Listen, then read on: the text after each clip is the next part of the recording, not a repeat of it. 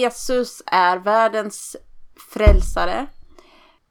Den som störtar härskare från deras troner och som upphöjer den, de ringa. Jesus är liksom den som det nya riket bryter in med. Och den person som vi alla inbjuds till liksom att den person som inbjuder oss att eh, få en plats i detta rike. Jesus är också mycket, mycket mer, men det är det jag vill säga nu. Så, mm. Guds son, allting.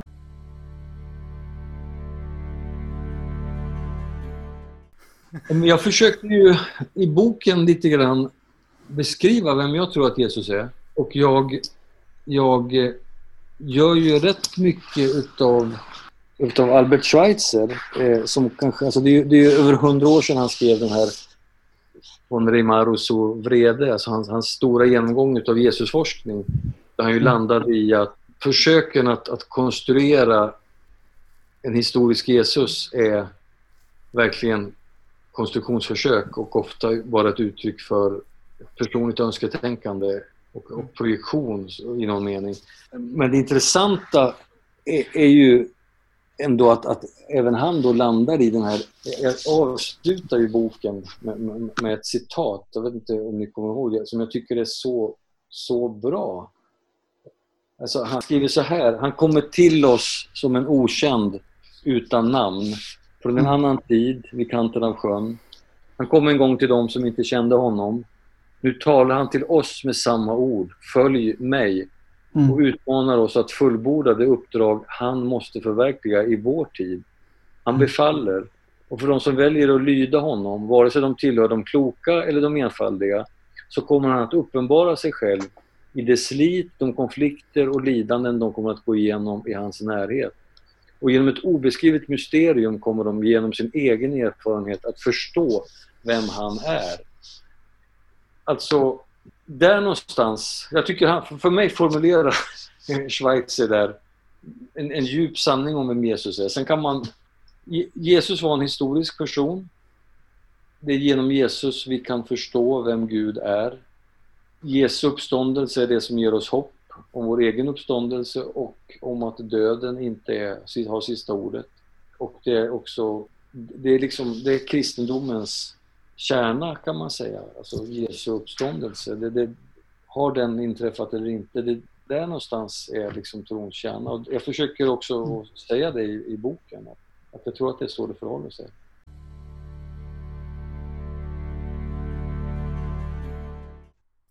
Vem är Jesus Kristus? Ja, jag skriver väl 90 och 100 sidor om det kanske.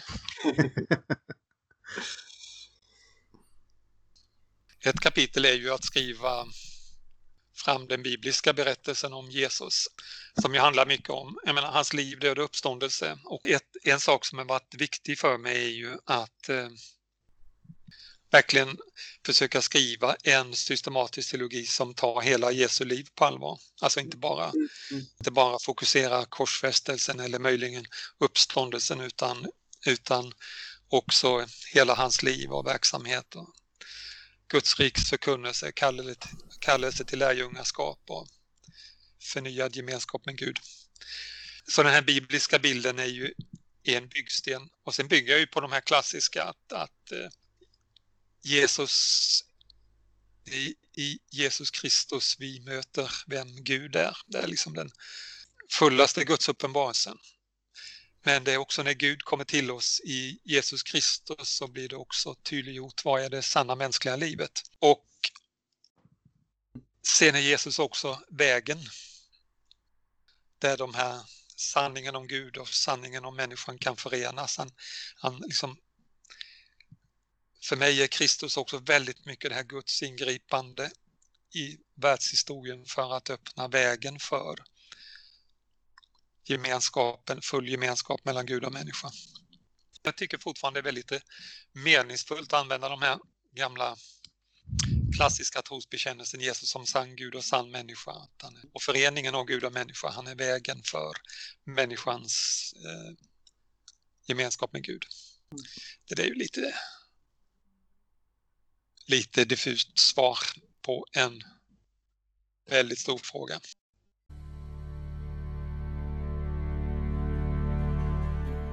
Okej, okay, och jag svarar som Petrus svarade före mig. Han är den levande Gudens son. Mm. Eh, ja, jag Ett håller med svar. Petrus 100 procent. ja, men det är bra. Och då säger man, eh, då säger man, då säger jag som Jesus, eh, salig är du Lena Sofia, för det är ingen, ingen av kött och blod som har ingett dig det här.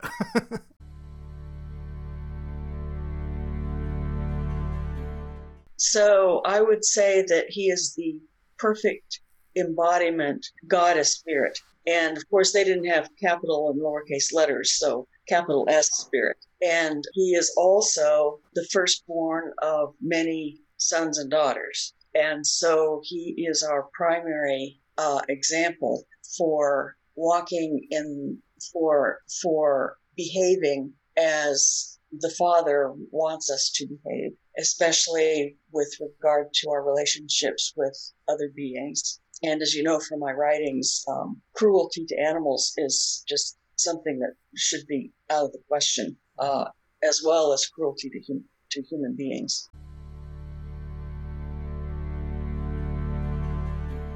Vem är Jesus?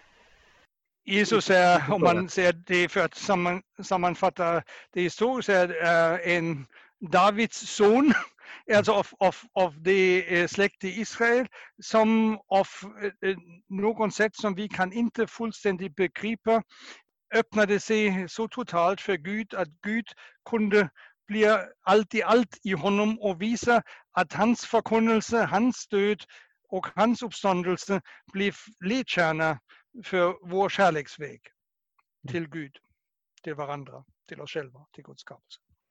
Så på det sättet förstår jag inkarnationen, eh, att, att, att, Gud på, på ett sätt som jag kan inte behärska eller, eller begripa, men som jag kan efterfölja och blir eh, allt mer indragna i denna kärlekens eh, mysterium.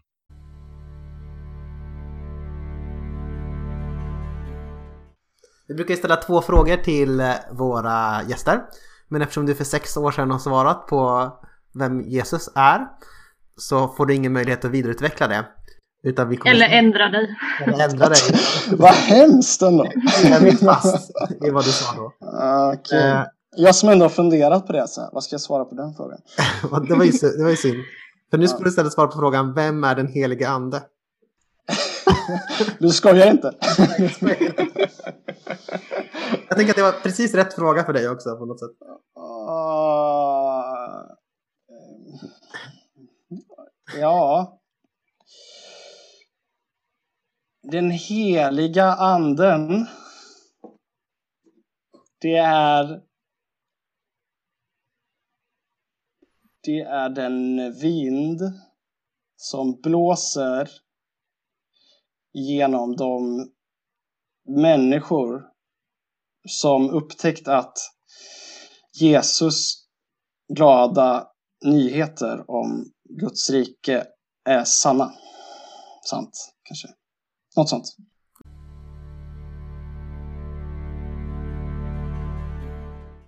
Vem är Jesus Kristus? Jag hade ju på känn att den här frågan skulle komma, så jag har plockat fram en eh, text som jag skrev för jättemånga år sedan.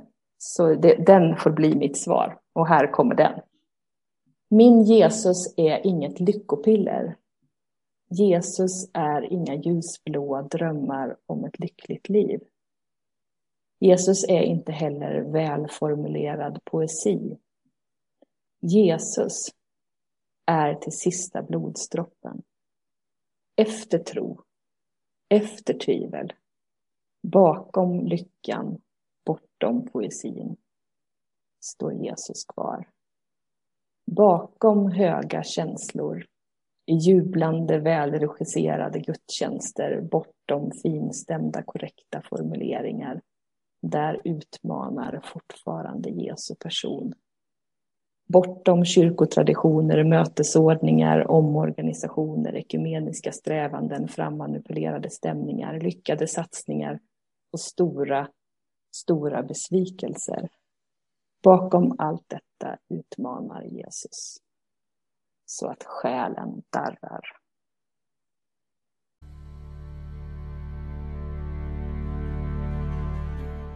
ja, det, kommer inte att bli originellt, men uh, han är Guds son. Ja.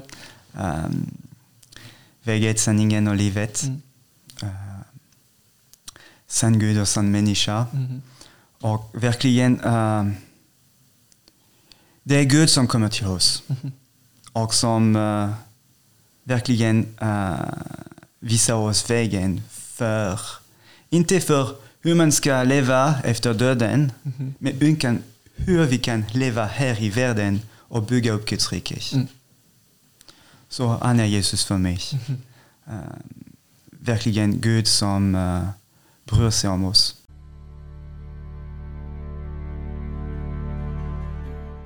Vem är Jesus?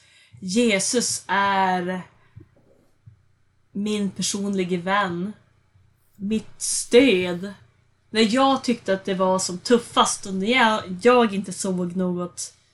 När jag inte såg hur jag skulle klara mig. Så grep Jesus in. Han hjälpte mig att styra, fortsätta styra båten när jag trodde att allting skulle sjunka. När stormen var som kraftigast var det han som ställde sig upp och sa att nu, nu gör vi det här tillsammans. Jesus är Jesus är min styrka, han är min vän, han är mitt hopp. Och många gånger kan jag titta runt omkring mig och undra alla människor jag har runt om mig som inte har mött Jesus, att hur klarar ni er? Hur, hur, hur kan man... Var får man sitt hopp ifrån? Jag vet ju att med Jesus så kommer det ordna sig. På ett eller annat sätt har jag ett löfte om att allt ordnar sig.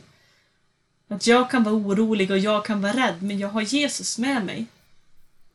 Men om man inte har Jesus, vad sätter man sitt hopp till då? Vad får ångesten att lägga sig då?